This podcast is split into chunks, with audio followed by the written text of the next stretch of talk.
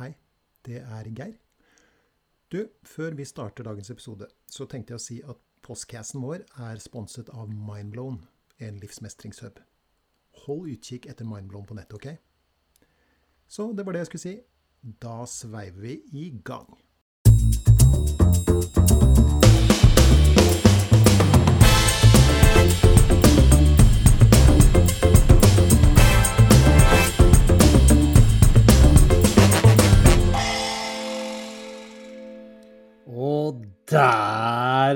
Vi endelig i gang igjen, Geir. Det var vi, gitt. Det er episode 61. Du lytter eh, så klart til podkasten Gi litt mer faen. The Postcass. Ja. Og så er det sikkert noen som allerede etter et par sekunder kommer til å kanskje tenke at eh, er det ikke litt annerledes lyd på han derre Tommy-klumpen i dag? Eh, Jo, og da Ja, du mener det sånn allerede? Jeg mener det allerede. Litt Ja, du mer omklag. Ja, og det, og det beklager jeg veldig, men nå har jeg altså bodd i bobil siden september. Og nå er jeg endelig blitt såpass ferdig innendørs i dette berømte huset som jeg snakket om til kjedsommelig. Og da orker ikke jeg i dag å sitte halvannen time og fryse ute i bobilen, og jeg kan sitte inne i stuen på det nye huset. Så Mm. da ber jeg allerede lytterne om unnskyldning for at det er litt annerledes lyd. Eh, og at jeg er såpass egoistisk at eh, jeg skal ta det hensynet. Men eh, snart så er jeg ferdig med et rom som blir enda bedre lyd. Så Det, det er jo. Det er et veldig lekkert kjøkken bak deg, ser jeg, så det begynner å bli. Det tar ta, ta form her. Og så vet jeg jo også at du har en fantasi Nei, det er kanskje ikke en fantasi engang. Det er jo nesten sånn regelrett planer om å få bygd deg ei lita sånn snekkerbu. Det vil da si et, et slags sånn kombinert gjestehus, podkaststudio ute i hagen. ja, et anneks eh, skal eh, settes opp der sånn. Um, eh, og det er så klart ikke til overnattingformål, det er kun til kontor og podkastproduksjon og filmproduksjon. For overnatting er ikke lov i anneks uten, da må man begynne å søke. Så det er ikke tenkt til å så ha der i det hele tatt. Nei, Så riktig. Ok. det er en sofa, så kanskje de tar meg at jeg sovner på sofaen noen ganger, men da får de heller straffe meg da. Ja, det tenker jeg også. Og da, det innbyr jo også til at vi da igjen kan sitte i studio sammen. Og Mm. det blir jo stas, da. Det er, da er eh, pandemien eh, Det er det tydeligste tegn på at pandemien er eh, over. Mm, la oss krysse alt vi har for at det er tilfellet. Men åssen går det med deg, da?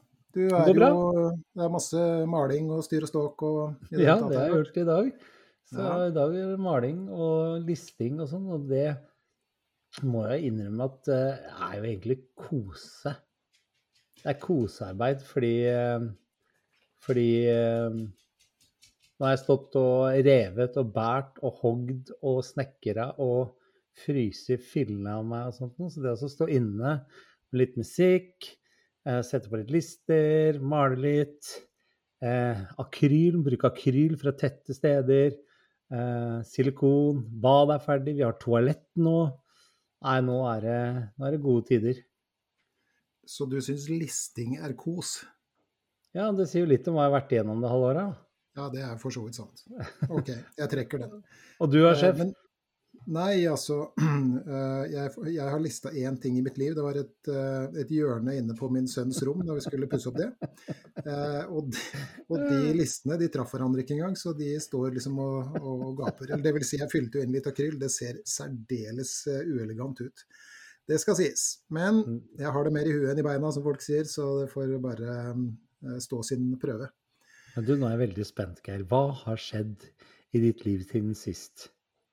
Nei, altså eh, Velsignet eh, lite, vil jeg si. Min sønn har jo reist i militæret. Jeg kjørte han jo på, på inn til Sessvollmoen. Mm. Eh, var redd for at jeg selv skulle bryte sammen i bilen på vei derfra. Det gikk egentlig veldig bra. Han forlot åstedet med et smil og rusla mot en, en sånn hva skal vi kalle det, idrettsbygning hvor de skulle telles og veies og måles og pirkes i tenna og sånne ting. Der ble han koronatestet og prompte isolert. Ja. Så ja, så det viste seg at Fikk han gjort unna det med en gang, da. Det var greit. Veldig kjekt. Han koste seg fælt. Han syntes egentlig han var litt som på leirskole i bygget på Rena, dit han ble busset. Ja. Så, um, Så det gikk eh, forbløffende bra, og han har funnet seg godt til rette i militæret. Jeg må si også at når jeg da snakker med ham på, på telefonen fra tid til annen, så, så høres det ut som han har vokst fem år, altså. På noen få uker. Det er veldig merkelig. Han har fått grovere stemme og Ja, nei, altså det er en voksnere kar. ja. Jeg, jeg vet ikke hvordan jeg skal beskrive det. Men, Nei, men eh, militæret er dødsynt. Ja, det tenker Ja, jeg også. Men er her skal, du, her skal du høre noe merkelig. Ja. Eh, Når jeg, når jeg hører med det her, har vi ikke snakka om uh, privat engang, holdt jeg på å si, så jeg, jeg bare slenger det uh, fram. Mm. Men et, nå er jo begge ungene ute. Så det er en ny Mm. livsfase, kan man kanskje si, da, for de voksne. Og, Mm. men det går bra, så vi koser oss fælt, vi. Mm. Eh, men men eh, her forleden så våkna jeg av at jeg hørte min datter som tasseløpe over gulvet fra badet og inn på sitt eget rom, som om hun liksom var for sent til en eh, sånn eh, Zoom-forelesning eller et eller annet, ikke sant? Mm. Men hun var jo ikke hjemme. Og så gikk det noen dager, og da hørte jeg min sønn rope fra rommet. Som om han satt og gama, ikke sant? Litt sånn gledesrop. Har du opplevd det en gang?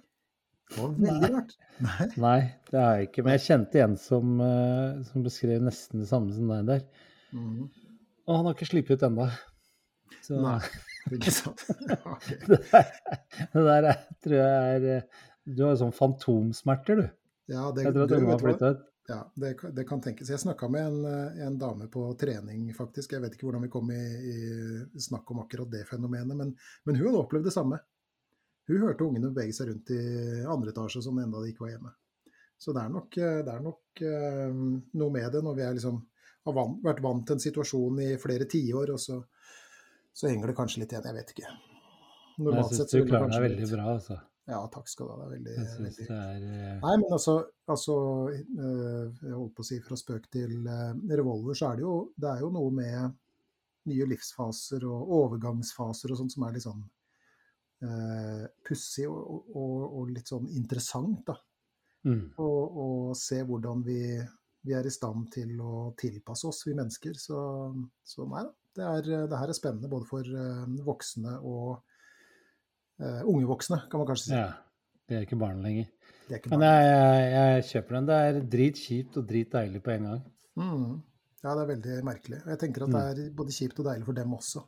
Da er du gal. Så, så nei da, det er eh, rart. Men sånn er livet, og vi må tilpasse oss, og det går nok bra, tenker jeg. Du, apropos livet, Geir. Mm. Så skal, hva skal vi snakke om i dag? Vi skal jo fortsette på vår eh, lille føljetong som vi så overmodig har gitt oss ut på. Ja, Og gå gjennom eh, Jordan Petersens tolv regler for livet. Og vi skal i gang med regel nummer tre i dag. Vi skal i gang med regel nummer tre, men det jeg oppdaga til min forskrekkelse da, da jeg satt og gikk gjennom det her, var jo at den er såpass kort at jeg tror forsyner meg vi slenger over regel nummer fire også, tror jeg. Med mindre vi Ja. prater oss helt eh, bort som vi kanskje har en, en tendens eh, Kan til å gjøre. skje. da. Det kan fort skje. Men før vi gjør det, så vil jeg bare si at vi har eh, også i denne perioden, siden siste podkast, mottatt mye sånn e-poster og, og sånt noe fra veldig hyggelige folk som eh, i det minste påstår at de setter pris på det vi driver med og det vi snakker om. Da, så jeg må bare få lov til å takke for det. Alle får jo svar, selvfølgelig. Og så har vi til overmål fått et håndskrevet brev i posten. Oi. Ja da.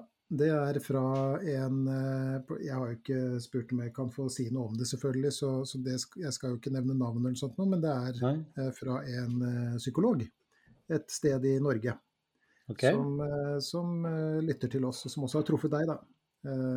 Det var ikke hun som kjørte deg til flyplassen, jeg bare sier det. Nei, Men, men som, som i sitt hjertes godhet har, har skrevet et vaskeekte håndskrevet brev. Og Oi. sendt oss det. Og det var veldig hyggelig.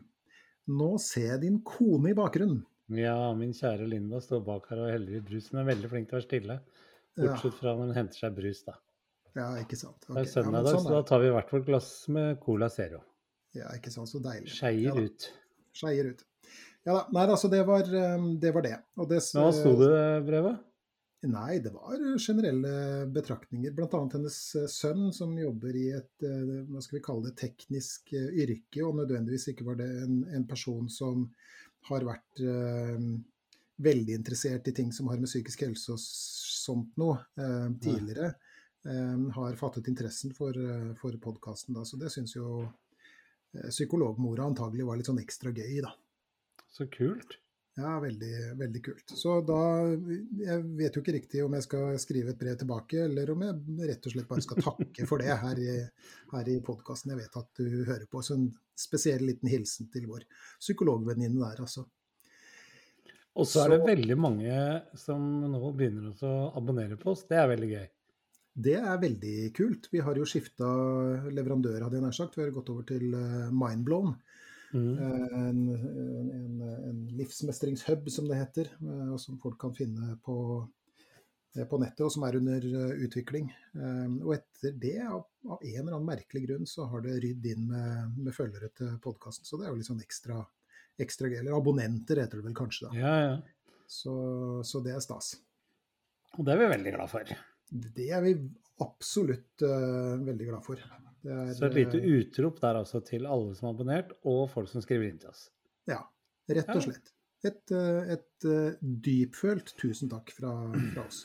Og tenk deg, Geir, for hva er det? Det er snart er det to år siden vi satte i gang? Det er ja, Over to år siden. Må, må vel være det, ja ja, så var du helt sikker på at vi kom til å lage under ti episoder, og at ja, ingen kom til å høre på, på oss. Ja. Og ingen kom til å høre på det. Nei da, ingen kom til. Men det gjorde de. Så det var jo litt uh, forunderlig. Men det, sånn, sånn, er nå livet, da. Så bra. Yes. Ok. Det, ja, skal vi da um, uh, rulle i gang? Ruller i gang. Vi har jo begge lest uh, denne boken. og det har vi. Det har vi. Og ikke bare det, men vi skal jo også høre professoren for andre gang i, i Oslo 6.6. Eh, oh, jeg gleder meg. Ja, jeg håper han er i, i form, av det nær sagt. Han har jo hatt noen helseproblemer, den der karen her. Ja, han har det. Mm. Han har faktisk vært eh, ordentlig ute å kjøre, for å si det mildt. Skikkelig sjuk? Ja, skikkelig sjuk. Men um, Og kona også, så det er ikke noe Ja, ikke, ikke noe, og dattera. Det er ikke noe dans på torner for han heller? Nei, det er ikke det. det. det. skal sies. Men uh, det er jo et levd liv, hadde jeg nær sagt. Så det mm. Uh, og, og, han må jo leve som han lærer, han òg, hadde jeg nær sagt. Så jeg antar at uh, betraktningene bare blir mer interessante å høre på etter det, da. Han er et, et menneske med, med, stor M, tenker jeg. Mm. Men vi skal eh, da gå i gang med våre tanker og våre tolkninger rundt eh, det han eh, skriver. Og vi skal da i gang med regel nummer tre, som het, har følgende tittel Bli venner med folk som vil deg vel. Hva tenker du når du hører det utsagnet? Det høres jo litt sånn selvfølgelig ut?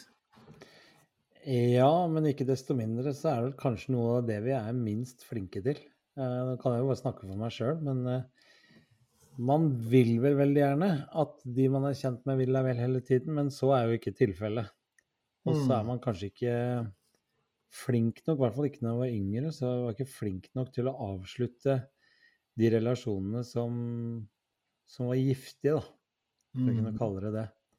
Vi snakka jo litt om det i forrige episode også. Ja. Da var det jo veldig nære relasjoner, men, mm. men det her handler jo om, om eh, venner. Mm. Men har du jeg har ikke lyst til å bruke ordet bedre, men, men har du blitt mer eh, vi kan kalle det bevisst på det da, etter hvert som du har blitt mm. eldre? Det har jeg definitivt. Um, jeg tok et lite sånn derre oppgjør for noen år tilbake, det var vel sikkert i forbindelse med den smellen. Så tok jeg litt oppgjør med å i hvert fall bli mer bevisst og ha mm. mer eh, lyst til å bruke mer tid på folk som eh, som er sunt, og som gir deg energi, og som det er betingelsesløst eh, forhold, eh, enn de som jeg tviholdt på, som ikke nødvendigvis var så veldig sunt. Ja, for det er jo noe han skriver om i dette kapitlet. ikke sant? Det her med at mm. hvis du da selv endrer deg, da. Eh, hvis du selv eh, tar noen grep i livet, f.eks. Altså det kan jo være alt fra, jeg vet ikke slutte å røyke til det å, å, ja, bli litt mer bevisst på hva du ønsker ti, bruke tida til og sånt. Mm. Og så, så, så, finnes det alltids folk som liksom vil holde deg tilbake i det gamle. Mm. Og nå er jo det her et uh, særdeles ledende spørsmål, men du, du endra deg jo. Du, Ja, du har jo brukt begrepet Tommy 2.0 til og med, som Ja. jo da er en ny versjon, ikke sant? Mm. Eh, var det i forbindelse med, med det, eller hvordan Ja. Jeg er ganske sikker på at eh, det hovedoppgjøret, for å si det sånn, tok jeg i forbindelse med det. mm, Og har vel lykkes ganske godt i de fleste tingene jeg satte meg for å avslutte, eller eh, også andre veien. Bli mm, flinkere til å delta mm, i andre relasjoner. mm, Og så er det jo som, som livet ellers, da. Ting glipper jo, og man glemmer seg litt, og så er det tre skritt fram og to tilbake. Og, eh, men jeg husker eh, et par av de relasjonene som, som jeg klarte å kvitte meg med. Det var, eh, det var mange kilo som datt av ryggen. Altså. mm, mm. Men det er utrolig vanskelig. Ja. Veldig vanskelig. Hva er det som er vanskelig med det? Eh, Mange, for det første så er det jo den der berømte vanen. Mm, ikke sant? Det å tre ut av det som egentlig går litt på autopilot, krever jo ganske mye, for det krever jo at du er bevisst på det. Mm, Um, og så blir jo um, kontaktflaten mindre i første omgang. Så har jeg utvikla nye i ettertid, så det tar seg opp igjen. Men der og da så blir det sånn. Og så syns jeg ikke det er noe hyggelig å skulle fronte og konfrontere folk med mine valg og på hvorfor jeg gjør det. mm, Det er jo ikke noe hyggelig å, å gå og si til folk at vet du hva, jeg tror vi har godt av å være betydelig mindre eh, i kontakt. mm, Fordi jeg opplever det sånn og sånn og sånn. Men når man har bitt seg gjennom det, så, så kommer det en liten sånn fønvind som reaksjon på det. mm, mm. Du, da? Nei, altså Jeg har jo opplevd noe av, av det samme på en måte. Altså I forbindelse med sant, at, eh, at at boka liksom gikk bra, ikke sant, og vi begynte å samarbeide. og, og, og, sant, Vi begynte med pod, denne podkasten, som, som jo har en viss tilhengerskare osv. Så, videre, så så var det noen, eh, noen ja, nesten, jeg vet ikke, venner eller bekjente som, som forsvant ganske fort. da. Um, fordi at de nok antagelig ja, Det er lett å tenke i hvert fall at de, de forsøkte på noe av det samme, og så gikk det ikke så bra. Og så, så ble det litt vondt å, å, å se på, eh, kanskje. At, Ja. uh, at noen andre eh, fikk det noe, eller hva man skal si. Det høres kanskje litt sånn Nei, jeg kjenner meg veldig godt igjen i det. Husk på hvilken Ja, bransje jeg kommer fra. Ja, OK. Er det, er det ut, utbredt der? Veldig. Der er det jo nesten opplest og vedtatt at andres suksess er din egen fiasko. Altså det er en sånn mantra som man virkelig må jobbe seg Og misunnelse og sånne ting. Og jeg eh, er i hvert fall ikke bakerst i rekka der sånn på, på det. Så det, Mm, det var veldig krevende å skal jeg si? eh, Det er eh, Å møte seg sjøl i døra noen ganger er jo vondt. mm. Um, Men hva, hva, hva legger du i det begrepet? Altså andres suksess er egen fiasko. Hva, hva, er det som nei, liksom man, man har lett for å tenke sånn da, hvis jeg f.eks. har lyst til å sette opp en forestilling, eller det har jeg gjort mange ganger, mm, og så selger den forestillingen sånn ja, greit, mm, eller til og med du kan floppe også. Og så ser du en av kollegaene dine som du mener stort sett har de samme forutsetningene som du har, mm, eh, treffer eh, spikeren på hodet, og det blir en braksuksess. mm, Da har man veldig lett for å sammenligne sin egenverdi i det, da. mhm, Og det betyr at han er mye flinkere, folk liker han bedre, eh, han jobber mye hardere, han er mye mer strukturert. Eh, han sløser ikke bort tiden på bare tull. Og så drar man seg sjøl godt ned i utedassen, da. mm, mm, Eh, og ikke eh, og For å være enda mer ærlig og, og dårlig menneske, for å si det sånn, så er det også sånn at når det motsatte skjer, så, så legger man jo merke til det også. Mm. Hvis noen Eh, ikke har suksess, tenker du på? mm. Mm. Mm. Men jeg har vært sånn at eh, de gangene For jeg har vært såpass heldig at jeg har opplevd mange suksesser, da.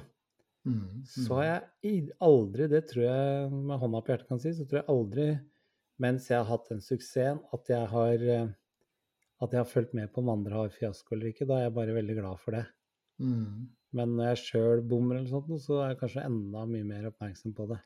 Mm. Og så blir man eh, og så blir man eh, usaklig og barnslig, og eh, istedenfor å gå i seg sjøl og se hva er det jeg skulle gjort annerledes, eller hva er det med meg som kunne vært bedre, eller har jeg øvd nok, eller har jeg skrevet lenge nok, eller har jeg forhasta meg, så prøver man å finne masse andre plausible grunner til at, at eh, Nei, det er bare fordi eh, han kjenner hun, eller hun kjenner han, eller det er bare fordi de Mm. rotter seg sammen der. Så man bare finne på tåpelige grunner.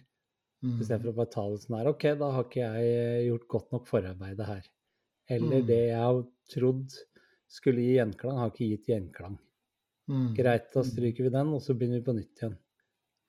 Ja, for vi har jo, vi har jo snakka om tidligere hvordan det vi kan kalle eh, idealer, da, det vil si folk vi ser opp til, ikke sant? det kan jo fort bli en sånn Hva skal vi kalle det? da? Det kan fort bli noe å strekke seg etter, ikke sant? Og et, eh, et slags eh, ja, et, et mål eller noe i den retninga der. Men, men idealer er også en slags dommere, ikke sant?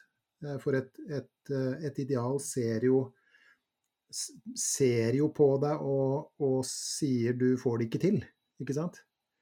Um, I verste fall, da. Mm. Eh, og det er vel kanskje det som er, er problemet, enten man er på den ene eller den andre tua, hadde jeg nær sagt. Om man får til noe, og, og noen Hva skal vi si Degraderer seg selv i møte med det, eller om Mm. du selv er den som gjør det. Og det er jo som du sier, det, det, det, det, varierer jo hvilken side man, uh, man er på. Mm. Uh, uh, men, men det er, det er jo Det er jo vondt, tenker jeg, å, å oppleve. At, klart at relasjoner går, går den veien. Bare fordi at noe går bra en periode, ikke sant. Mm. Eh, og, og ja, vi, vi vet jo også at selv om det går bra en periode, så er det alltids perioder hvor det ikke går bra igjen. Så, så Ja, så er det vanskelig, det er jo vanskelig av og til å se de tingene her òg, da. mm, Ikke sant? Det, er, det er ikke noe sånn at det er opplest og vedtatt at uh, han er dårlig for meg, hun er dårlig for meg, han er dårlig for meg, han er bra for meg. Mm. det, er jo, det er jo veldig komplekst bilde. Men er det ikke Noen vil jo kanskje tenke sånn Ja, men jeg kan ikke være så egoistisk at jeg liksom velger folk som er bra eh, for meg, liksom. Altså, det høres så egoistisk ut. Altså, hva, Mm. hva tenker du om det? Jeg tenker at av og til så er det lurt å være egoistisk. Mm. Jeg Mm. tror av og til så skal man ikke være så redd for å være egoistisk. Mm. Eh, og i hvert fall ikke hvis det gjelder her, sånn som Jordan sier, så handler det om folk som vil deg vel. Mm. Hvis det handler om folk som ikke vil deg vel, og du oppdager det, og du finner ut av det, og du ser det, og du skjønner det, Mm. så er det ikke egoistisk å ikke fortsette med det. Men hvem, hvem er det hva er kjennetegnet på en person som vil deg vel, da, tenker du? Betingelsesløst, tenker jeg, er første ordet som detter inn hos meg. Ok. En Hvordan da? som eh, Nei, eh, en som er der uansett om det går opp eller ned. Mm. Ehm, og fordi du møter eh, veggen, eller du møter motgang, eller du har tøffe tider, ikke forsvinner. Mm. Mm. Så det er lett å være der med champagnen på premierer og juhu. Men eh, de er der også når, eh, når det ikke er penger nok til champagne, og man går ut med bøyd nakke bakdøra. Mm. Ok, så, så de beste vennene er de som liksom Hva skal vi kalle det? Hvordan skal vi formulere det? De som eh, gråter med deg på en måte da, når du har det dritt, Mm. og som eh, oppriktig feirer med deg liksom, når det går eh, bra for deg. Mm. Men jeg har en sånn eh, jeg har en, innsig, en innsigelse mot det du sier da, for du sier betingelsesløst. Mm. Men, men noen, altså noen, av de beste vennene som jeg har og, og har hatt, hadde jeg nær sagt, det vil jo også være, være, det som jeg nå akkurat har snakka om. ikke sant? At de, de eh, hva skal vi si, er lei seg når du har det piss, og, og, og, de har det bra når du har det bra, på en måte. Men samtidig så, så tenker jeg også at betingelsesløst vil det ikke være. fordi at de beste vennene vil også være de som gir deg krystallklar beskjed hvis du gjør idiotiske ting. Mm. Ikke sant? Som, som, eh, som, vet å irettesette deg på de beste Eller på de, de tingene hvor du er en idiot, da. Mm. Jeg tenker at det er, det er, det er faktisk eh, ja, Jeg kan jo Men betingelsesløst da mener jeg at da til tross for at de gjør det, så fortsetter ja, ja. å stå ved din side. Ja, ja, ja. ja, ja ikke sant? Ja, det, er kanskje det er feil ord av meg å bruke betingelsesløst, men det er det jeg mm. mener. Mm. Ja, okay. når, du også, da... når, du også, er dusten, mm. sier de deg beskjed om at du er dusten. Mm. Men de gir deg også beskjed når du er helten. Mm. mm. Og så er de med deg i begge fasene. Mm. Og det tenker jeg jo er, er kjennetegnet på en god eh, foreldre-barn-relasjon, f.eks.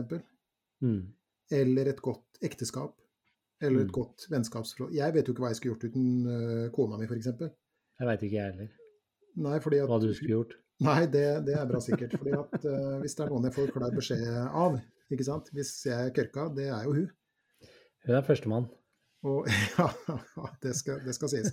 Men, men, men, det er jo jeg tenker jo at, Men selv da, da. Men det er det jeg mener. Selv da er det med kjærlighet. Selv da ja, så er det fordi at hun ønsker deg så mye vel at hun mm. vil at, hun skal, at du skal rette opp de tabbene.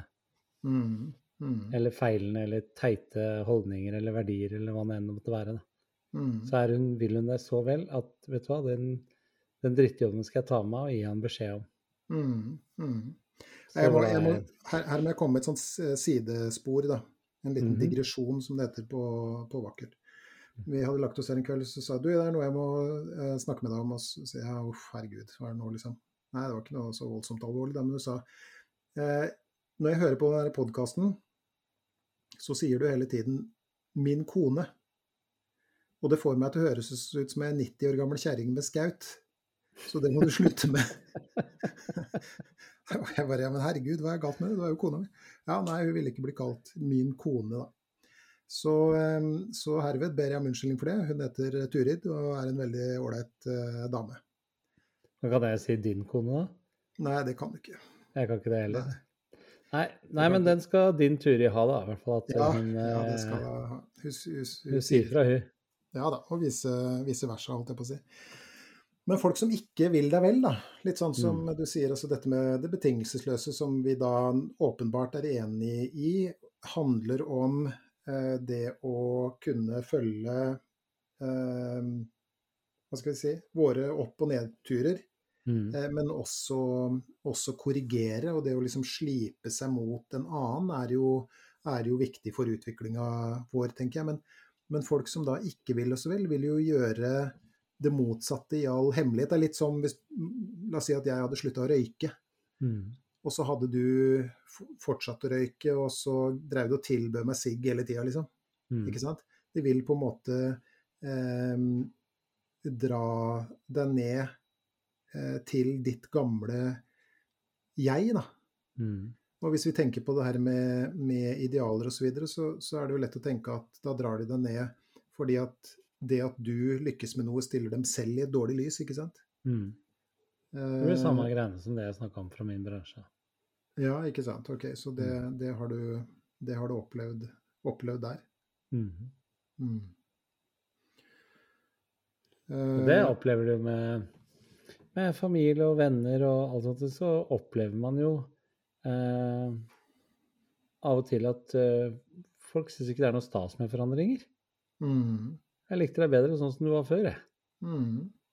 Noen ganger, så kan man se, noen ganger kan man jo se relasjoner, altså om det er vennskapsforhold eller om det er kjæresteforhold, eller sånt, hvor man liksom nesten blir litt sånn enige om å, å ikke strekke seg etter noe. Da. Og, og liksom øh, holde seg på jeg holdt på å si samme, samme nivå, på en måte. Mm. Um, uh, fordi at man ikke ønsker at den andre skal utvikle seg, ikke sant. Mm. For da blir man på en måte selv satt i litt sånn uh, um, Blir akterutseilt. lys. Ja, ikke sant. Men hvis Mm. alle er på samme nivå, så kan man liksom bortforklare sin egen uh, tilkortkommenhet på en måte. Mens det er jo, uh, når man tenker seg om, så er jo det egentlig fryktelig dumt. Mhm. Og jeg husker han eh, og Nå husker jeg ikke hva navnet hans Welsh heter han, han tidligere toppdirektøren i General Motors. Eh, han jobba seg opp fra Jeg tror han begynte på, som laggutt. Jeg jobba seg opp til øverste direktør for 30 000 ansatte, eller hva for noe. Og han hadde en filosofi hvor han sa If you want big business, hire big people. If you want small business, hire small people. Og Der var det ingen av mellomlederne som fikk lov å ansette nye folk i avdelingen hvis ikke de var bedre enn lederen i noe. Mm. Mm. Ikke sant? Og Det det, høres ut som en god strategi. Og det bør det også være i et vennskap eller eh, kjæresteforhold eller relasjon eller så bør man jo begge to strekke seg for at det skal være en utvikling. Mm. Det tenker jeg også. Faktisk, det du refererer til der, hørte jeg han eh, Kjus Nei, hva er det han heter? Nei, han heter ikke det. Jo. Han eh, Norwegian-direktøren, hva het han? Mm. Kjos. Kjos. Ja. Mm. Eh, sa en gang at han ansatte utelukkende folk som var flinkere enn seg selv. Mm. Ja, det har han sikkert en deg. ja, antagelig. Mm. Men det er en, det er en uh, god strategi, for jeg tenker at eh, hvis du har folk rundt deg som ja, kan andre ting, er andre ting, og det er i vid forstand, altså. Det handler ikke Mm. bare om type status, penger og sånne overfladiske ting, det er ikke det jeg tenker på, men, men det at de, de kan noe du ikke kan, f.eks., eller, eller er noe du ikke er, da. Har noen egenskaper du ikke har, så tenker jeg at, at um, at det vil være en god greie fordi at da har, da har jeg også noe å strekke meg etter. Mm. Da har jeg noe å måle meg opp mot og, og ønske å og hva skal vi si ja, i det minste strekke meg mot. da. Mm. Eh, Det er noe det, er noe av det jeg syns er mest stas i vår relasjon. Det er jo Jeg opplever at jeg lærer så mye av å være sammen med deg. mm, Og så hører jeg deg si mye av det samme andre på de tingene som jeg kan. mm, Eh, både med utviklingen av podkasten her og show som vi har skrevet sammen. Og, eh, det, er jo, det er jo nettopp det. mm, Sier du det, Geir? Ja, det visste jeg ikke. Jeg vet nesten hver gang vi snakker sammen, så lærer jeg et eller annet av deg. mm. Eh, og så håper jeg du lærer litt av meg. Ja, det, det står ikke på det, og, og det er ikke bestandig eh, helt åpenbart i vår relasjon i hvert fall hvem som Jo, det er ganske åpenbart. Nei det, nei, det er jo ikke det. For jeg kan jo også ringe deg og, og si herregud, nå mista vi ti følgere. Får jeg helt Ja. panikk, ikke sant. Nå Ja. gjør vi noe galt. Ikke sant. Ja. Og da sier du du, da slapp av litt nå. Det går fint. Bare vent og se. Og så har du noe rett, da. Ikke sant. Ja, du, det er vanskelig å predike for seg sjøl, vet du. Ja, det er noe med det, altså. Det Mm. er noe med det. Man blir, eh, man blir fort hus, husblind i eget eh, hode også. Nei, Min sterkeste anbefaling i hvert fall, når vi snakker om det temaet, sånn, er, eh, er å ta deg tid til å sette deg ned og tenke gjennom de relasjonene du har. Mm. Um, og så sier jeg ikke at nå skal du sette en rød strek over absolutt alt og alle som minste antydning til du tror, men, men det er i hvert fall verdt å reflektere over. Mm. Mm. Og ikke minst i hvert fall styrke og prioritere både energi og ressurser da, på de du føler gjør det som vil deg vel. Mm. Her er det en som Han vil ha med meg ut på trening. Her er det en som eh, vil ha med meg på det foredraget. Her er det en som lurer på om vi kan ta eh, en tur på fjellet og gå på ski. Altså, ikke sant? Eh, Her, her er det en som sier ifra hvis jeg gjør dumme ting, mm, og ikke er redd for det. og står der allikevel. Mm. Og, i, og, og tåler min, eh, min menneskelighet og min tilkortkommenhet, på en måte. For det er jo noe med det òg, da. Å bli Ja, litt sånn tålt, ikke sant. Så klart.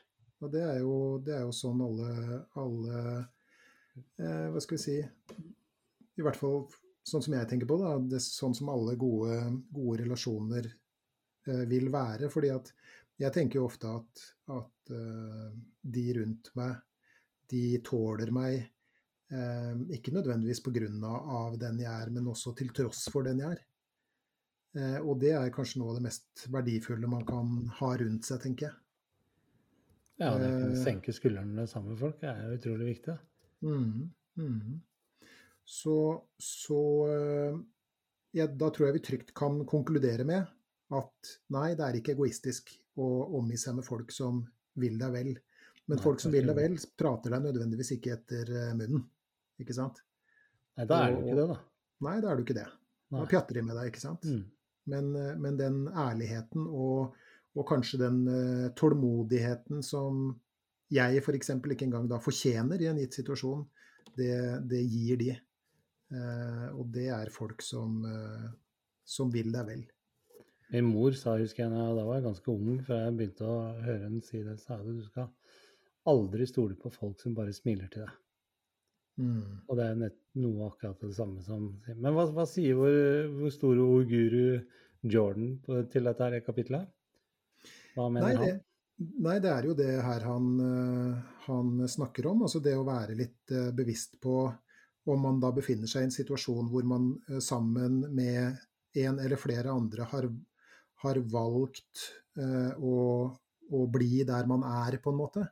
Eh, eh, og ja, noen ganger så kan man jo også se relasjoner hvor man er hvor man kanskje selv er opptatt av å hjelpe eh, en annen, ikke sant?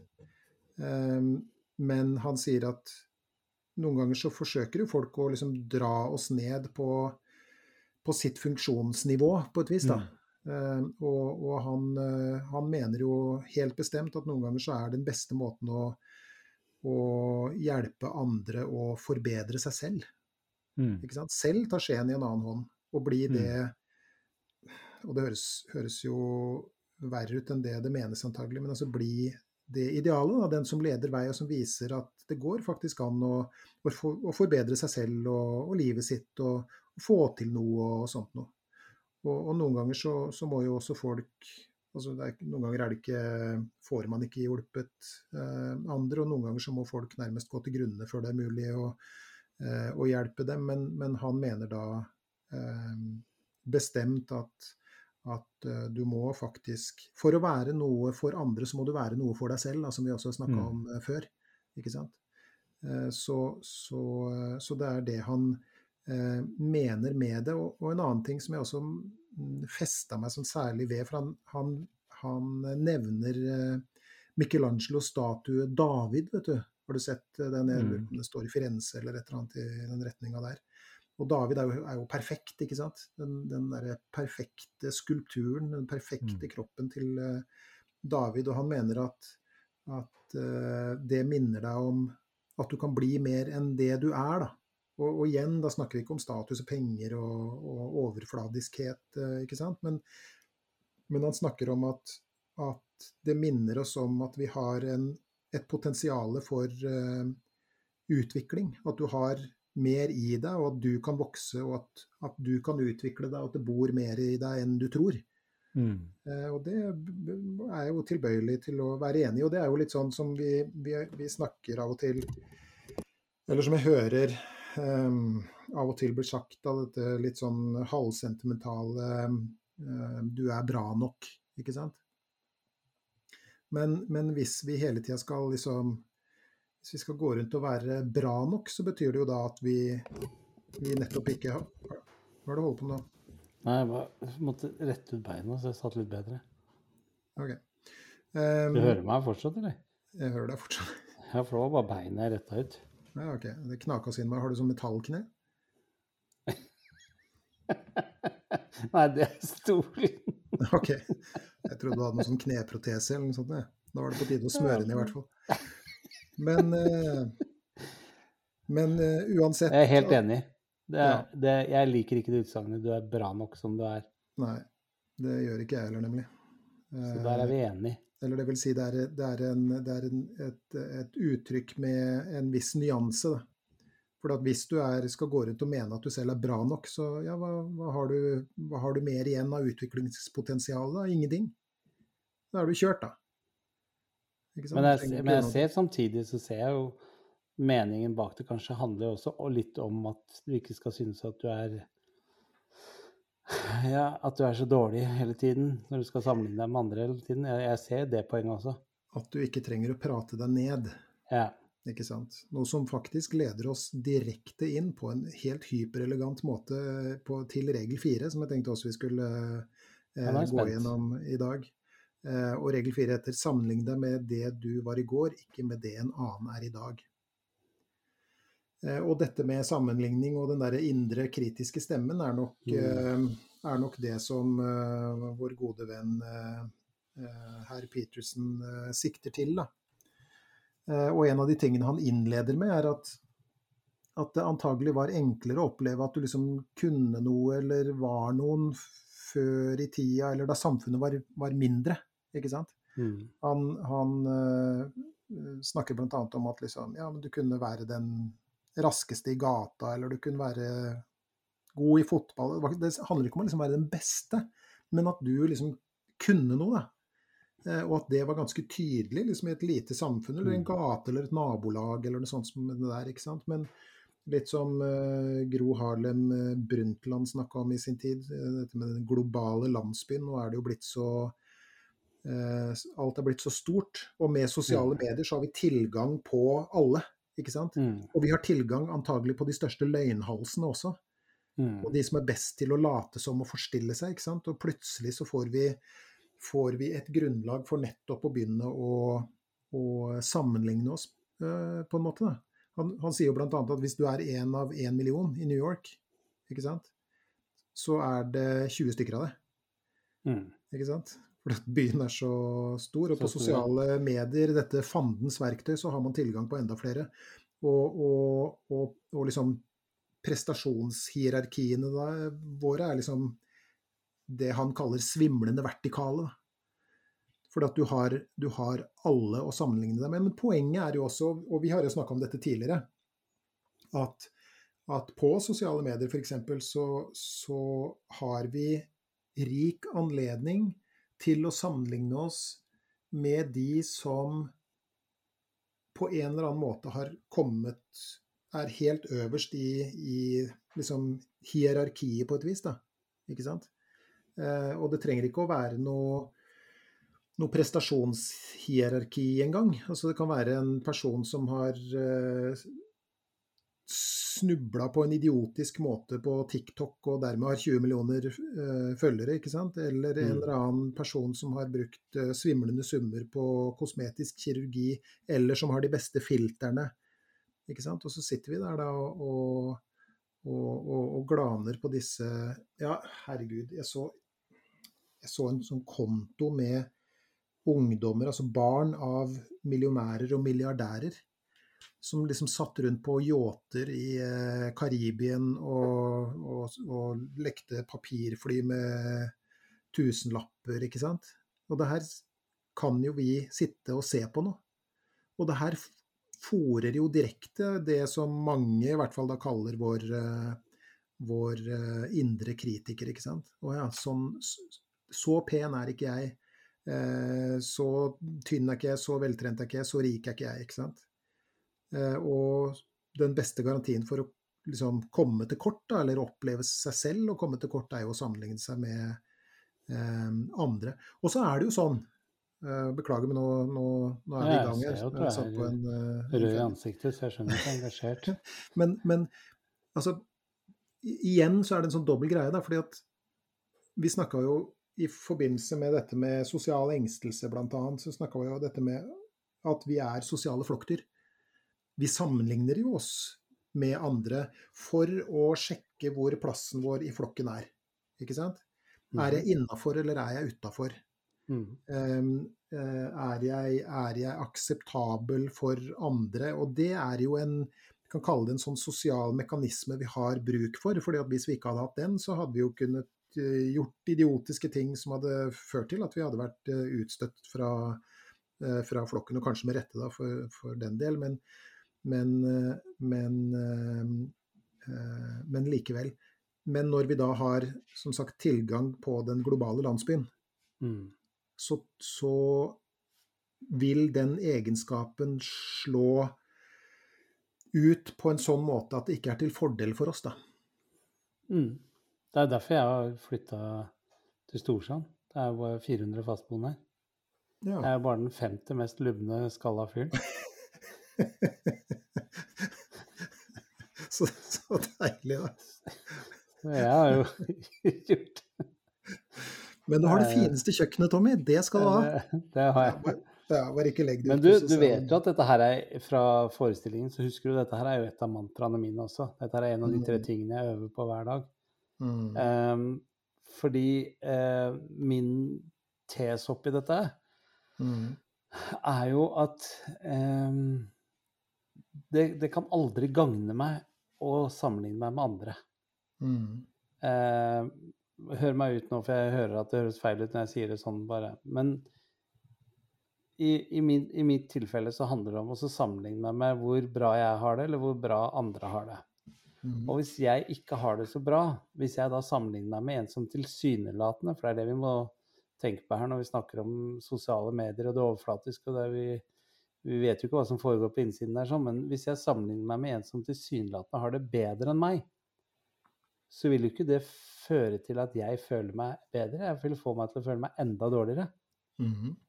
Og hvis jeg sammenligner meg med en som tilsynelatende har det mye dårligere enn meg, så skal du være bra sjuk i huet hvis det løfter deg. Mm.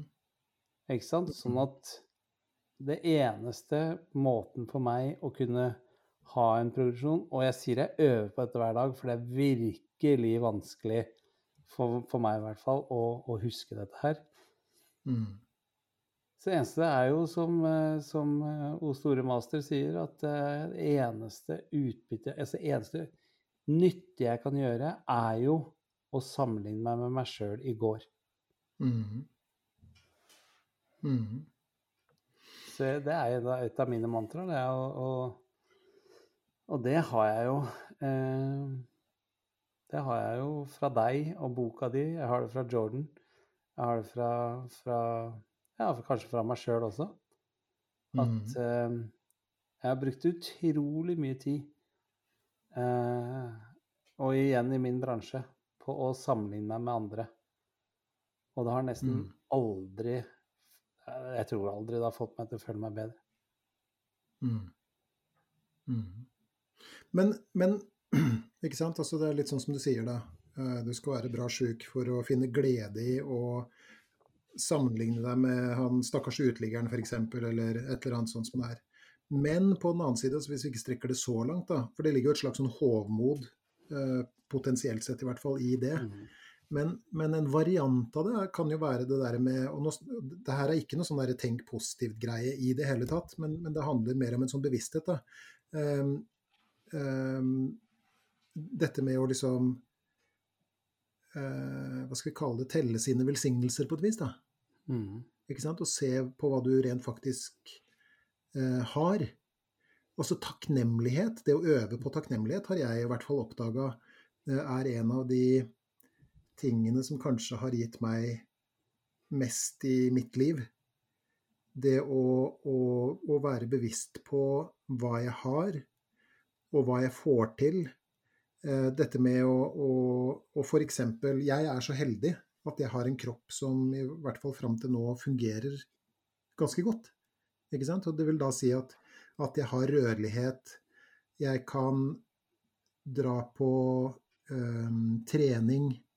Jeg kan gå fritt ute, ikke sant.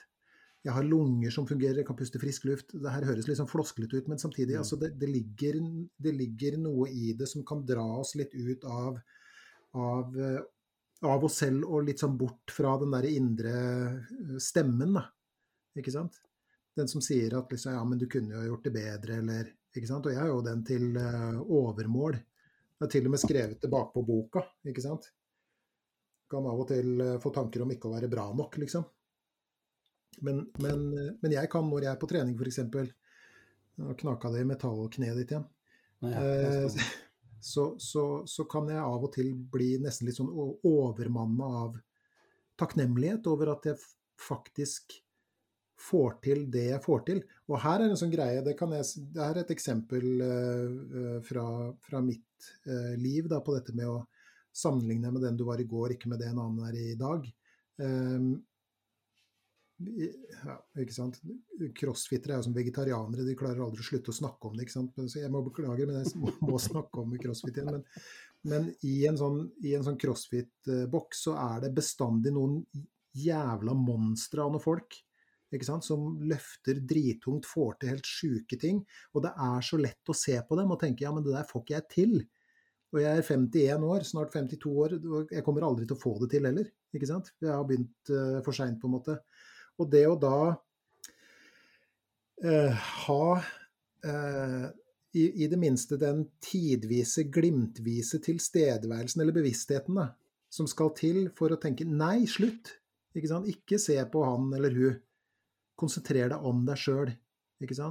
Og husk hva du får til, og husk hvor du var da du begynte. Ikke sant? Nå er det mm. halvannet år siden eh, jeg begynte med det der. Og, og jeg får jo til ting nå som jeg ikke fikk til da jeg begynte. Ikke sant? Og det er det samme med Det er det, litt sånn samme eh, fenomenet som som jeg også kan eh, oppleve i terapirommet. Da.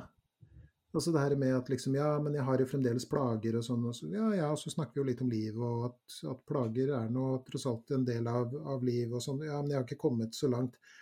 Eh, og da er jo da er jo argumentet ja, men snu deg. Snu deg og se deg tilbake på hvordan du var da vi begynte å snakke sammen, f.eks. Mm. Og da plutselig kommer kontrasten, ikke sant? Og da kommer erkjennelsen av at oi, shit, jeg har jo gjort en en jobb. Men vi mennesker, vi er så, vi er så raske til å tenke eh, litt sånn kategorisk og enten-eller, da. Ikke sant? Men poenget er at ingen av oss er jo, er jo enten-eller. Ingen er liksom mm, bare mislykka eller bare vellykka eller bare suksess eller bare fiasko eller bare svart eller bare hvitt. Liksom. Vi er mer. Vi er både og. Vi er jo hele mennesker. Vi er Vi lever hele liv, liksom. Ikke mm. sant? Men jeg tenker Nå når du har snakka nå, så kom det opp eh, en, en, tanke i hodet mitt. Fordi hvis vi skal trekke tilbake til f.eks. som du skriver i boka di, dette her med bekymringer og grublinger og sånt nå, så er jo det ikke et problem med bekymringer, det er ikke et problem med grublinger, før det blir et problem i hverdagen din. Mm. Og jeg tenkte noe av det samme her er det jo faktisk eh, Fordi det er jo Hvis du sammenligner deg med andre for f.eks. For, for å hente inspirasjon Jøss, går det an til tross for at jeg er 52? Ja, det skal jaggu meg jeg prøve på også.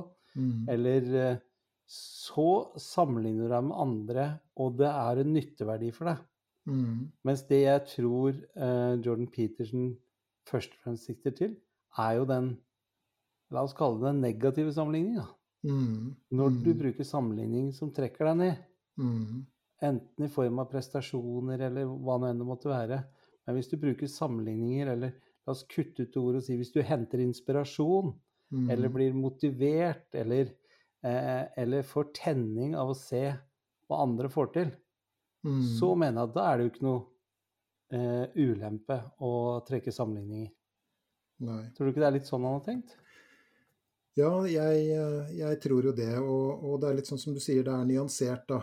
Eh, fordi at vi er jo Vi er jo Hva skal vi kalle det, da? Sosialt overvåkende vesener, på en måte. ikke sant? Vi er jo interessert i å finne, finne hvor vi er og, og, og sånt noe.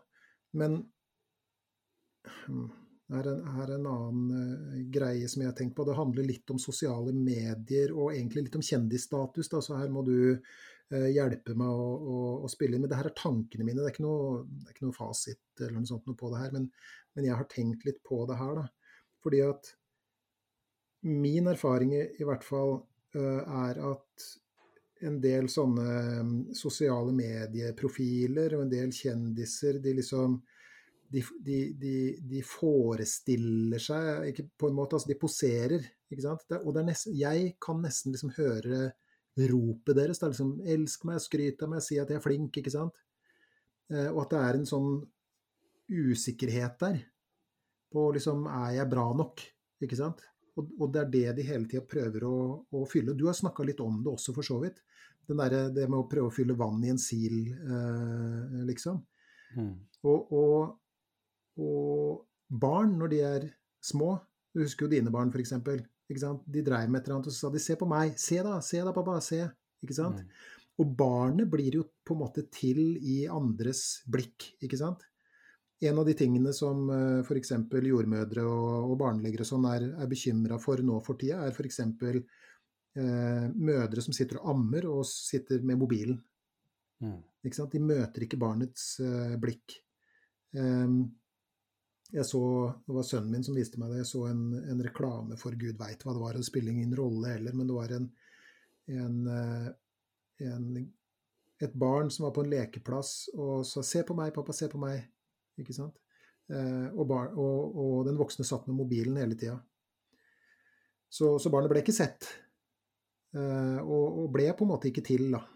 Og, det som var plot-twisten, som det heter på nynorsk, i, i den reklamen, var at vi, vi, vi zooma over til en annen scene hvor, hvor uh, det var en far som satt med barnet sitt i sandkassa og lekte. Og så viser det seg at faren er blind. Ikke sant? Mm. Men, men uh, han er med barnet sitt, og han ser på en måte. ikke sant? Det er mange måter å se mm. på.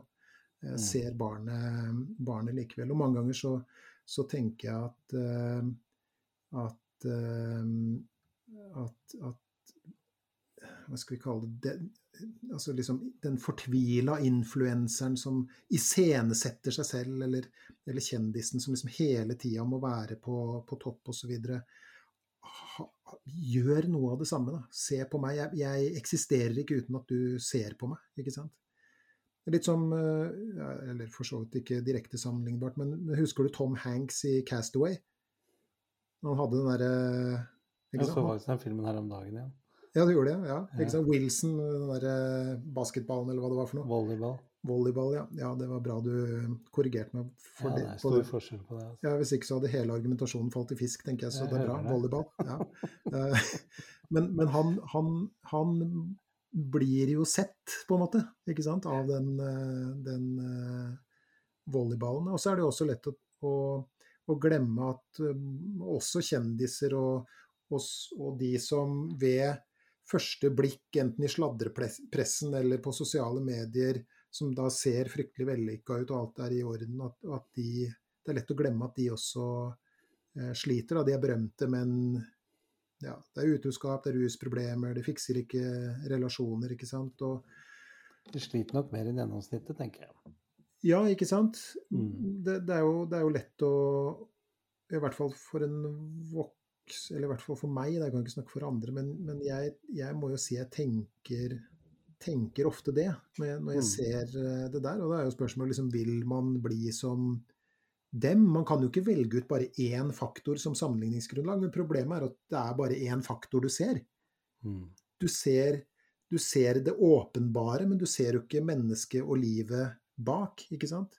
Det er skrekkelig mange multimilliardærer som har tragedier i bakgrunnen sin. ikke sant? Har mista barn eller en ektefelle til kreft. Eller, ikke sant? Altså, så, så, det hele mennesket, det liksom eh, eh, ser vi ikke liksom, at, at, menneskelivet er mer nyansert og mangefasettert enn det vi liksom kan få med oss på enten i Se og Hør eller eh, God kveld Norge eller 17 det er, ikke sant.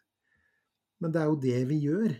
Vi mm. sammenligner oss med den ene fasetten av det mennesket, ikke mm. sant. Og så, og så dømmer vi oss selv, litt sånn som det vi snakka om innledningsvis nå. da. Dette med at du setter opp det idealet, og så liksom bare Sånn er ikke du. Ikke sant? Mm. Og, og, dermed så er vi liksom eh, eh, mislykka. Det er som min gode venn eh, Freddy Kjensmo som har lært meg mange ting om uh, mye, uh, han også. Så Og han sier også Et av mantraene hans er ikke sammenlign ditt eget indre med andres ytre. Mm. For du har ikke peiling på hva som foregår på baksiden der. Mm, og det blir jo mm. det samme. Og, ja, det og for å svare deg på det, det kjendisgreiene, så Så ja, jeg kan jo bare snakke for meg selv, men jeg har jo snakka med veldig mange av mine kollegaer og kjenner jo mange av disse som da eh, blir omtalt som kjendiser, eh, godt. Eh, og det er klart at hvis du skal orke å stå i den stormen av det det er å være i rampelyset, for det er virkelig en knallhard kamp dag ut og dag inn, og det er eh, den glamourbiten er en promilledel av det Mm. å skulle være i et yrke eller en bransje som krever at du blir sett for at du skal kunne lykkes, og at Mm. folk liker det de ser.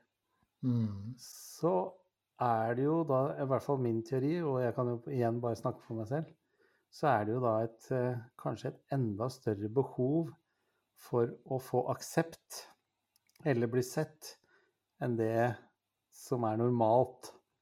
Eller normalt, eller som Jeg liker jo ikke å bruke det ordet, men som større andel av befolkningen har, da. Og det er at du derfor er villig til å utsette deg for, for det harde livet det er. Fordi du trenger den fienden. Og jeg er jo, er jo så privilegert at jeg har jo opplevd å være helt desperat etter den biten. Mm. Og måle livet mitt fra dag til dag, nesten på anmeldelser bestemte om jeg var vellykka eller ikke. Mm. Og ikke da bare som en artist eller en programleder, men også som menneske. Mm. Eh, og har jo da klart, i hvert fall i litt større grad nå i livet mitt, til å ikke være så avhengig av det. Um, og jeg vil kanskje tørre å strekke det så langt som å si at jeg i dag, den versjonen som Tommy Tonhild er, har mye mindre behov for den uh, den uh, Hva skal jeg kalle det? Den allmenne aksepten fra den store hopen. Mm. Uh, mens behovet for aksept blant mine nære er der like mye som Ja som ja, du før. verden. Ja ja, ikke sant. Og det er jo Det høres jo Og jeg trenger nok sikkert mer enn andre. Ja, jeg siden tenker jeg har vært, ja, siden jeg har vært villig til å så til å så leve det livet jeg har levd i snart 30 år, så Mm. må det jo være Fordi det er ikke, det er ikke, det er ikke penger og berømmelse Altså det er ikke penger og den glamourbiten jeg tror de fleste etter hvert Det er det der å så stå, og så er det mennesker som, som klapper og heier på deg. Eh, Den rusen det gir ehm, Ja, det tør jeg påstå er, er en vel så stor drivkraft. Det var noen som, som snakka en gang om, om, eh, om indre og ytre karriere.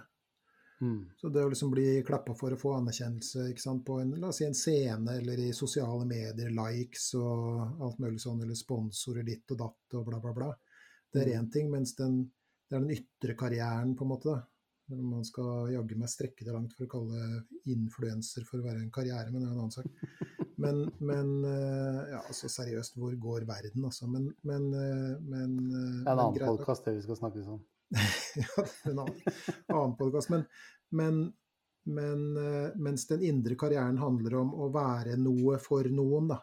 Ikke Mm. sant? Og det er litt som, ehm, som jeg snakker om til det kjed- kjedsommelige når noen gidder å, å høre på meg om dette med forskjellen på disse nekrologene. ikke sant?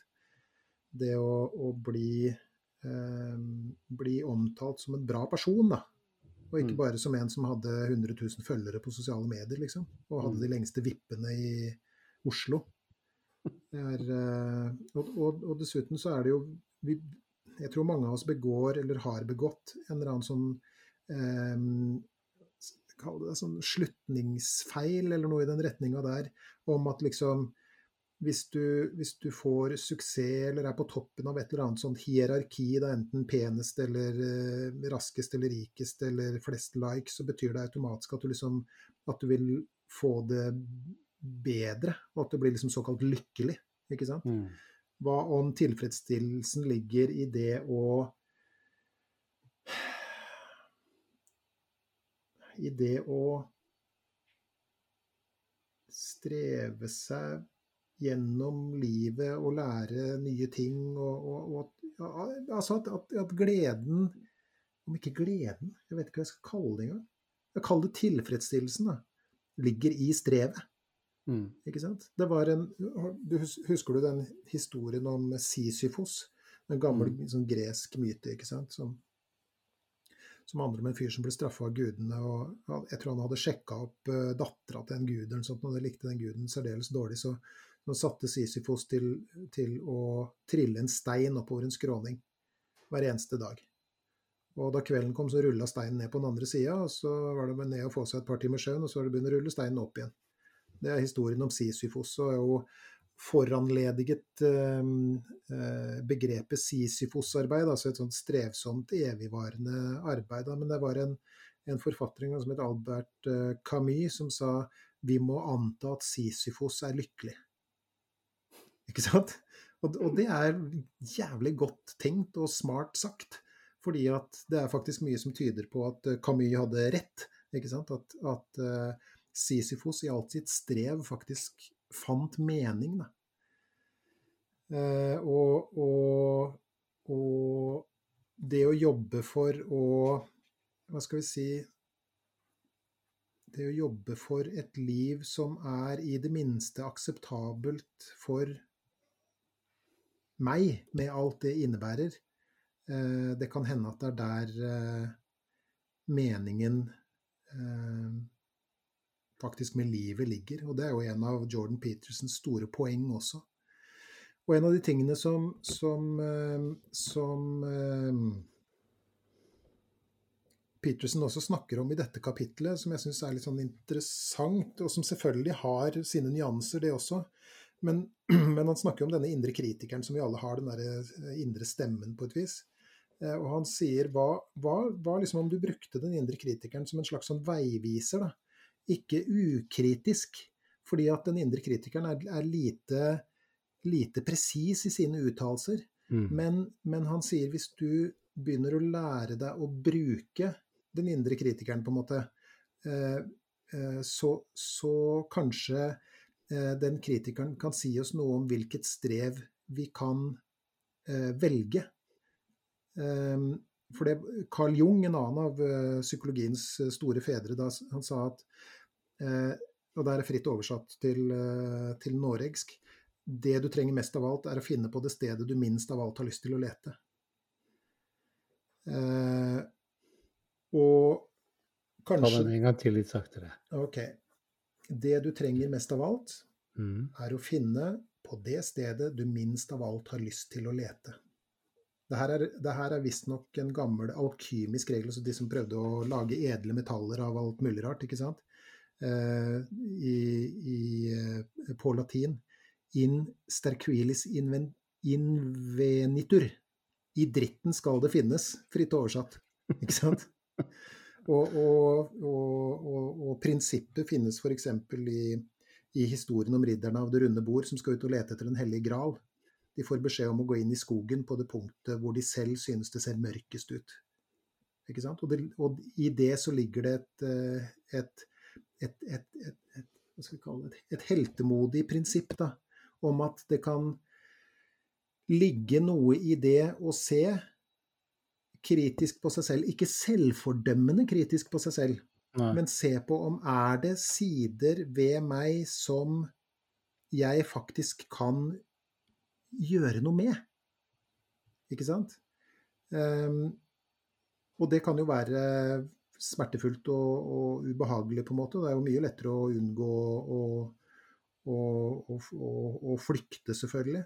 Men, mm. men, ikke sant? det er liksom å, å, å se litt på selv, da, og så tenke Kan jeg gjøre noe i dag for at tilværelsen min kan bli litt lettere i morgen enn den var i går? Mm. Og jeg merker det jo jeg merker det sjøl i hverdagen min, og det er bare så bitte små ting. Se om du kjenner deg igjen. Mm -hmm. Jeg kan f.eks. Eh, la oss si OK, la oss si at katta mi da, har vært inne i boden. Det her har han en lei tendens til å gjøre, og det er jo min skyld fordi at jeg glemmer å, å lukke døra. ikke sant? Men han kan være å rive ned en sånn kopp, sånn påfyllskopp til kattematen. Så er det kattemat utover hele gulvet. Og så la oss si jeg kommer inn der og klokka er eh, halv tolv og jeg skulle ha lagt meg for lengst. Og så tenker jeg sånn Nei, det der får bare ligge. Ikke sant? Enten så får kona mi ta det Nei, Turid ta det i morgen. Um, uh, eller så får det bare ligge ikke sant? Sånn som det er. Men det roper jo mot meg. Fiks det! Ikke sant? Mm. Og, og, jeg har øvd på å fikse det som roper mot meg, da. Mm. Ikke sant? For det er så lett å, å unngå å gjøre det. Og det her er selvfølgelig bare et helt sånn idiotisk eh, lite eksempel, men jeg, jeg, tenker at vi alle har ting i livet vårt som vi kan fikse på. Det trenger ikke være store ting, det kan være veldig små ting. Ikke sant? Ja, jeg opplevde mye nå mens jeg har drevet og restaurert dette huset. Ok. Eh, og spesielt når man blir sliten og har holdt på mange timer, så prøver man seg på sånne Ja, skal ta et eksempel av sånn Istedenfor å gå ned av stigen igjen for 250. gang for å hente hammeren, så prøver jeg heller å bruke baksiden av jekken på å hamre inn den spikeren som står ut. Eh, og så slår det et slag, og så blir spikeren helt skeiv. Mm. Og så banner jeg til meg sjøl og sier ja, typisk. Takk, Mm. det, nei, det hadde vært for enkelt hvis det gikk. Nei da, for guds skyld. Mens det og, og, og det her opplever jeg ganske ofte. Så har jeg prøvd å øve meg på sånn em, det, som oppstår, det som fremstår som den enkleste løsningen her og nå, blir ofte den tyngste. Mm. Hastverk er lastverk osv. Ja, hele, og, og den har eh, Bare for sånne småting, men den har møtt meg altså så mange ganger om dagen. Mm. Så jeg skal ta og bære til eh, tilhengeren eh, alt plank som er revet ned. Så skal jeg for sikkerhets skyld bære så mye at det er dødsvondt for ryggen og nakken å bære den bunken, Mm. istedenfor å gå to ganger. Mm. Mens når jeg da begynte å bli oppmerksom på de tingene sånn, så, så lagde jeg sånne små forsøk for meg sjøl. Fordi man blir sittende sånn Faen, i dag har alt gått på tverke. Mm. Og så satte og sa, Har det egentlig det, Tommy? Når du gjorde det i stad, så gikk jo det bra. Når du gjorde det i stad, så gikk det bra. Når det gjorde sånn Ja, ja, nei, det er, nei, du har kanskje rett i det. Mm. Um, og da ikke minst det her med å prøve å huske på å ikke utsette til i morgen det du kan gjøre i dag. Mm. Mm. Så en sånn veldig god øvelse. Men jeg, jeg tror jo ut ifra de tingene som, som du har sagt nå, så, så kommer du igjen tilbake til når du sier det her med å så lytt, bruk kritikerne i deg. Alt sånn. All denne sammenligningen eller all denne lyttingen tror jeg er nyttig så lenge det ikke den er negativ for deg. Og det er en Mm. sånn lakmustest du kan ta både med venner og med, med hva du skal sammenligne deg med. og sånne ting. Får dette her meg til å yte mer eller føle meg bedre eller gjøre mer? Eller får det meg til å føle meg dårligere og yte mindre? Mm. -hmm. det får meg til å yte dårligere, og, og da kutter man det ut. Ikke sant? Og, og, men, og, og, der også er det jo en sånn eh, en, eh, et, et annet poeng her, da. Eh, Ikke sant? Får det her meg til å føle meg bedre eller verre, eller i det minste sånn noenlunde som før, da. Mm. Som jeg tenker er en god, god lakmustest. Men det er jo også noe med å eh, tenke på den måten, ikke nødvendigvis bare liksom nå, men også i framtida, ikke sant? Fordi at vi, ja, vi har jo Det var en eller annen, eh, en eller annen mm, Det var en eller annen sammenheng vi snakka om det her med å se på seg selv som at du dør om kvelden når du sovner, ikke sant? Mm. Og så gjenfødes du neste dag.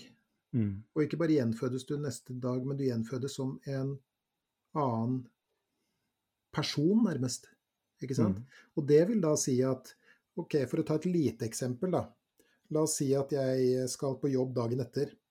Og så vet jeg at det er veldig travelt om morgenen, sånn at jeg eh, kunne, hvis jeg ville, smørt matpakke den kvelden og lagt i kjøleskapet, sånn at jeg da får litt bedre tid. Ikke sant? Morgenen etter. Mm. Det er en måte for mitt nåværende jeg å gjøre neste dag litt lettere for mitt fremtidige jeg. Mm. Og, sam, og for å, å ta en litt, uh, litt større greie, da, som mange sliter med, det er jo det her med Kan jeg ta noen helsemessige grep nå som vil gjøre at jeg vil kunne leve et bedre liv når jeg er 75 år? Mm. Mitt 75 år gamle jeg, ikke sant? Mm. Og poenget er at det er jo et større offer, og det er jo offer vi snakker om her. ikke sant? Et offer handler om å gi, gi fra seg noe nå som vil komme deg til eh, eh, Komme eh, til nytte for deg, eller være et gode for deg i fremtida. ikke sant? Så du ofrer nåtida for fremtida. Det er jo selve definisjonen på et, eh, på et eh, offer. da. Det å ha omsorg for sitt, sitt fremtidige eh, seg, på en måte.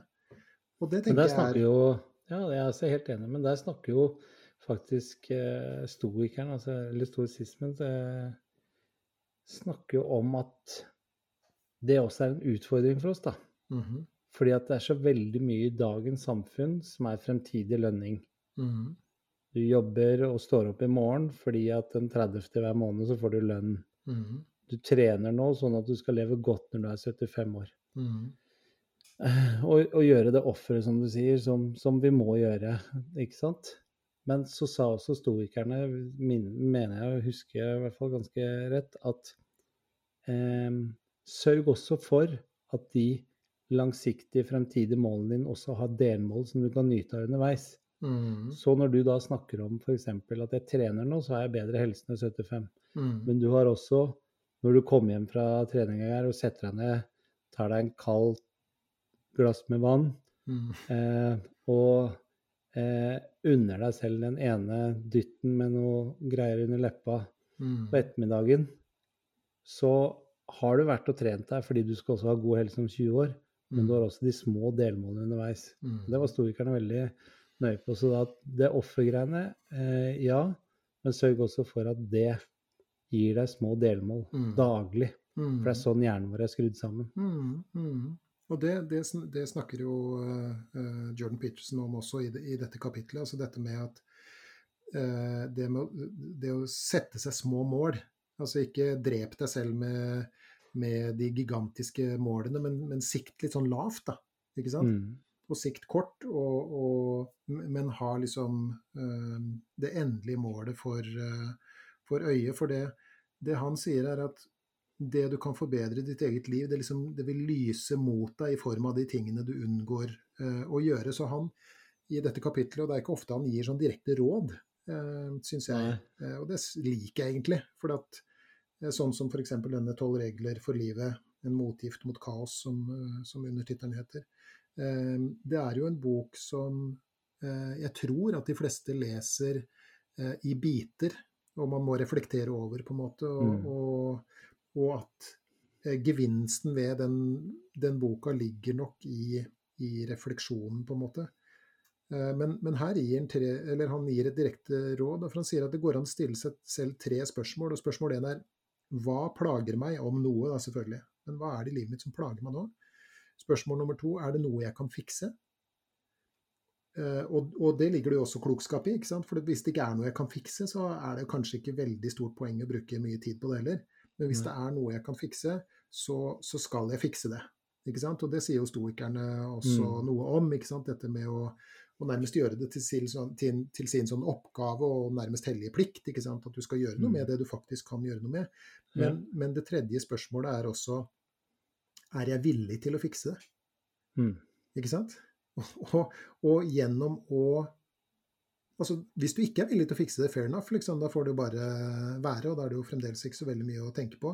Men hvis du er villig til å fikse det, så ligger det et, eh, et eh, ansvar der, da.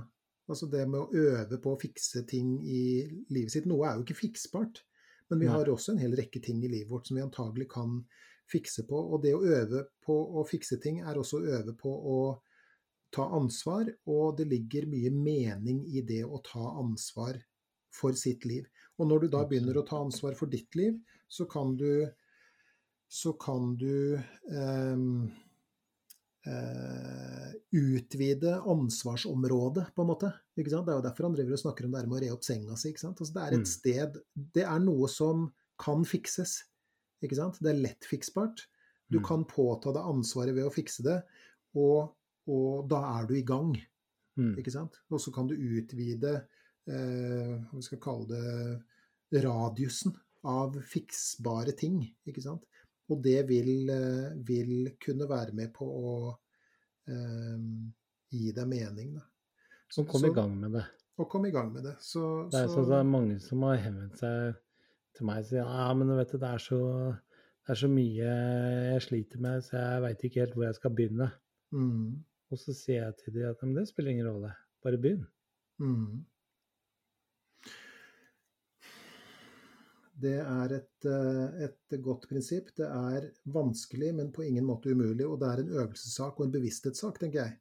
Mm. Jeg snakker masse med mine, mine klienter om akkurat det. Og, og, de fleste lyser opp.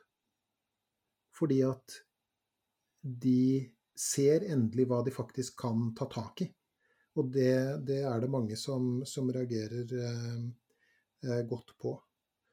Ja, for det som regel så er det jo det som sliter mest på alle, er jo det kaoset. Mm. Ikke sant? Man, man eh, Jeg har dårlig helse, jeg orker ikke å trene, eh, jeg har ikke tid for jeg jobber så mye. Ikke sant? Det er jo det summen av det, det kaoset, hvor man ikke liksom har noe og så man, Av og til skulle man ønske at man har en som står og banker deg i huet og sier punkt én, du skal gjøre det. Punkt to, mm. så skal du gjøre det. Punkt tre, skal du gjøre det. Så har man fått, som Jordan Peterson snakker om til det kjedsommelige, dette her også, tatt livet av kaoset. Mm. Og begynner å få system på det. Mm. Og det er jo min erfaring, eh, erfaring eller, og også min, kan nesten kalle det mening, da, er jo at eh, god terapi vil være den terapien som setter deg i gang. Mm. Og som viser at det er ikke håpløst, og, og, som viser at det er en ende av kaoset du kan, du kan begynne i. Mm. Og som kan, kan, hjelpe deg å få i det minste en oversikt over, um, over kaoset, sånn at du, du, kan sette i gang i en av endene der. Og det mm. er det som folk uh, ser ut til å reagere best på, når, uh, når jeg snakker med dem, i hvert fall. Jeg syns dette er to veldig bra regler. Det er to veldig bra, bra regler. Jeg, jeg, vil være litt ubeskjeden og, og sitere, sitere, det som egentlig er avsluttende poenget i, i boka. Ja. Hvordan gi litt mer faen.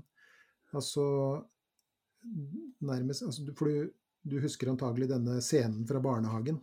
Mm. Hvor man spør disse ungene om hva de vil bli osv. Og, så og det er ganske høye og luftige mål prinsesse f.eks. Den skjønner jeg kan være ganske vanskelig. Men også astronaut osv. Og, og, og, og selv lege kan jo være vanskelig for de fleste av oss. Men, men denne gutten da som sier jeg vil bli en helt, um, helt vanlig mann, helt vanlig person. Og, og, poenget er at hvis du er villig til å leve med og ikke være liksom penest, sterkest, mest fit, den som tjener mest eller har det fineste huset eller de fineste cupcakene på Instagram, liksom, så, så, så, kan man nærmest gratulere deg, for da ser livet ganske lyst ut. Altså det å være helt vanlig og, og, det å være helt vanlig og leve etter det, altså virkelig ta det inn over seg og leve etter det, eh, er antagelig den beste garantien for et så godt liv som mulig, tenker jeg. Helt enig. Og i tillegg, liksom Hvis du gjør den jobben da, med å identifisere de punktene ved deg selv og verden som du er villig til å justere på, og villig til å faktisk gjøre det, så har du sannelig kommet langt, tenker jeg. Det var bra sluttord, det. Det er bra, eh, får vi håpe, eh, avslutning på det hele. Det synes jeg absolutt. Så da er vi ferdig med regel tre og fire. Da er det regel fem eh, neste gang, eller? Ja, det får vel bli det. Eller ja. fem og seks. Vi får se. Vi får ja. bare lese og styre og finne ut av, av det. Men du, vi vil fortsatt at folk skal fortsette å skrive, skrive, skrive, skrive til oss. Og trykke likes og abonnere. Men hvis de skal sende noe elektronisk til oss, så skal de sende det hvor? Hvis eh, de som eh, lytter eh, har lyst til å kontakte oss, og, og, det er liksom det er både ris og ros, det er altså vi liker eh, begge deler, vi, men, men, også forslag til temaer. Eh, og ja, det er ingenting absolutt. som er for eh, smått eller eller for personlig, holdt jeg på å si. Altså hvis du har et problem som du ønsker at vi skal snakke om, så send det inn, tenker jeg. Ja, så kan vi jo etter fatte evne forsøke å komme med våre tanker om det, da. Men hvis du har noe du vil meddele, så kan du sende det i eh, elektronisk brevform til gi litt mer f at gmail.com. Gi litt mer f i ett ord. Ormehull. Gmail.com. Eller noe sånt. Ormehull? Ja, det er en, eh, et lite nikk til eh, fysikeren eh, Hawking, som nå dessverre okay. er død. Ormehull, vet du, du vet, sånn i verdensrommet. Ja, ja OK. Det var originalt av deg. Ja, takk skal du ha. Takk for nå, Norge. Det var kjempe Det her syns jeg er gøy å sitte og snakke om. Det syns jeg også. Og så var det veldig gøy å se at kjøkkenet ditt har kommet i orden. Det liker jeg. Jeg skal snart komme på besøk til deg. Jeg hører du har sagt det, men det er jo ikke Jeg bor såpass langt unna at jeg har forståelse for at det drøyer, men jeg gleder meg til den dagen det kommer. det er et stykke fra eh, Tønsberg til Drammen. I hvert fall på Ok. sluttfør. Nei, men det ordner vi når sola skinner ute på terrassen din. Da kommer jeg vet du, og bare utnytter det gode. Du er hjertelig velkommen, og så må du hilse så mye til din Turi. Det skal jeg Altså- gjøre. Takk det samme, Lennart. jeg snakkes vi. Vi snakkes. Ha det. Ha det.